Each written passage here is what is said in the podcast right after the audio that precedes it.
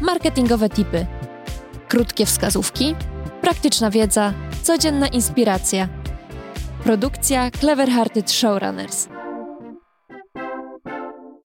A ten odcinek prowadzi Michał Kasprzyk, producent podcastów w firmie Clever Hearted Showrunners i główny motor napędowy nowego portalu Seryjni Marketerzy.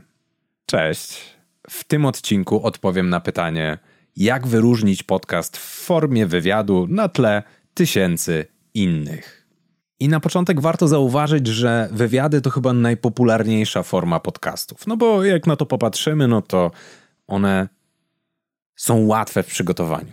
Tylko to jest takie dosyć pozorne, no bo wydaje się, że można po prostu usiąść z gościem i zacząć zadawać pytania, a potem tę rozmowę opublikować. Problem w tym, że często takie rozmowy są rozwleczone, mało konkretne i po prostu nudne. Więc to podejście, że wywiady są łatwe, jest bardzo, bardzo zgubne. Ale są sposoby na to, żeby sprawić, że wywiad będzie dużo ciekawszy i ja podzieliłem te sposoby na trzy etapy: na to, co się dzieje przed nagraniem, to, co dzieje się w trakcie nagrania i oczywiście. Co można zrobić przed nagraniem, żeby sprawić, że wywiad będzie lepszy, że będzie się wyróżniał? Zaczynamy już na etapie tworzenia konceptu podcastu. Jeżeli koncept będzie ciekawy, jeżeli będzie wyjątkowy i będziemy się go trzymać, to będzie dużo, dużo lepiej. I weźmy tutaj jako przykład. Można zrobić podcast na temat AI. No, wiadomo, popularny temat teraz. Ale jeżeli to będzie podcast ogólny o AI, to prawdopodobnie wiedza w nim zawarta, wiedza od naszych gości się dosyć rozmyje, nie będzie wiadomo dla kogo to jest, nasi słuchacze będą słuchać wybiórczo jakichś pojedynczych odcinków albo nawet tylko fragmentów. Ale jeżeli to ukonkretyzujemy i będzie to na przykład podcast o AI dla twórców internetowych, no to oczywiście ograniczamy swoją publiczność, ale robimy to celowo i dzięki temu ta grupa twórców internetowych będzie bardziej zadowolona z treści, które będziemy tworzyć. Jeśli chodzi o wybór gości, to to też jest bardzo ważne, bo można zapraszać każdego, kto się po prostu zgodzi, oczywiście, iść na ilość, a nie na jakość, ale dużo lepiej jest dobierać gości odpowiednio do tej koncepcji, którą sobie opracowaliśmy.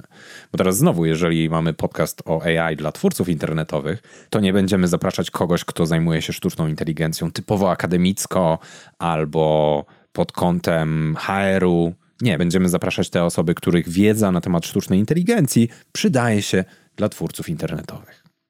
Przygotowując pytania do tej osoby, bardzo ważne jest, żeby określić cel rozmowy. Po co nam jest cel rozmowy? Między innymi po to, żeby rozmowa była dużo bardziej konkretna i żeby słuchacz wiedział, czego od tej rozmowy może się spodziewać. Trzeba też pamiętać, że celem takiej rozmowy nie powinno być to, żeby dowiedzieć się całej historii zawodowej naszego rozmówcy. I to już są wskazówki związane z prowadzeniem rozmowy, bo bardzo często słyszę w rozmowach, w podcastach na początku takie pytanie: opowiedz coś o sobie, opowiedz, jak zacząłeś się zajmować tym tematem. To może być bardzo ciekawe, oczywiście, ale nie jeśli nasi odbiorcy są nastawieni na narzędziowy, merytoryczny podcast, więc trzeba też pamiętać, jak go komunikujemy i jaki mamy koncept takie tematy jak historia, jak e, to, jak ktoś doszedł do tego, czym się teraz zajmuje, są świetne do podcastu na dokładnie ten temat. Czyli takiego, który jest skierowany na przykład do studentów albo osób, które się przebranżawiają, ale nie do osób, które chcą posiąść wiedzę do wykonywania jakichś czynności. Druga rzecz to skakanie po różnych wątkach. Do pewnego momentu to jest ok. Jeżeli rozmawiamy o AI dla twórców internetowych i to są rzeczy, które tym, tym twórcom się przydadzą, spoko. Niech tak będzie. Ale jeżeli zaczynamy wychodzić poza tematy, bo coś nas zainteresowało w trakcie rozmowy, no to w pewnym momencie trzeba postawić tę barierę i nie wychodzić poza cel, który sobie obraliśmy, a przynajmniej nie wychodzić na zbyt długo bo wtedy bardzo łatwo jest stworzyć coś, co jest zwyczajnie rozmyte i z czego wartość jest dużo niższa. No i teraz trzecia grupa, czyli rzeczy, które można zrobić po nagraniu. I pierwsza pewnie ci się nie spodoba, bo to jest usuwanie. To jest coś, co Stephen King lubi określać mianem kill your darlings. Zabijaj swoje ukochane. Chodzi o to, żeby pozbyć się z rozmowy, z gotowego nagrania, takich fragmentów, które po prostu wydają się nudne albo nie są na temat, albo totalnie zbaczają w taką stronę, która jest mało klarowna. Więc dużo czasu trzeba poświęcić też na edycję podcastu po. Warto też dograć narrację, czyli takie fragmenty, w których osoba prowadząca będzie skracać różne wątki. No i po nagraniu można też nagrać wstęp i podsumowanie, czyli takie niby oczywiste rzeczy, ale dopiero po wykonaniu całego nagrania wiemy, co w tej rozmowie się właściwie znajduje. Więc możemy na początku we wstępie to zaznaczyć, możemy tym zachęcić ludzi do słuchania, a w podsumowaniu możemy im przypomnieć, czego się nauczyli. To takie rzeczy, które można wprowadzić w zasadzie od zaraz i rzeczy, które naprawiają bardzo podstawowe błędy, które ja dosyć często słyszę. Ale warto też pamiętać, że wywiady to nie jest jedyny format podcastowy i być może, żeby osiągnąć ten cel, który chcesz osiągnąć, lepiej będzie pójść w coś innego.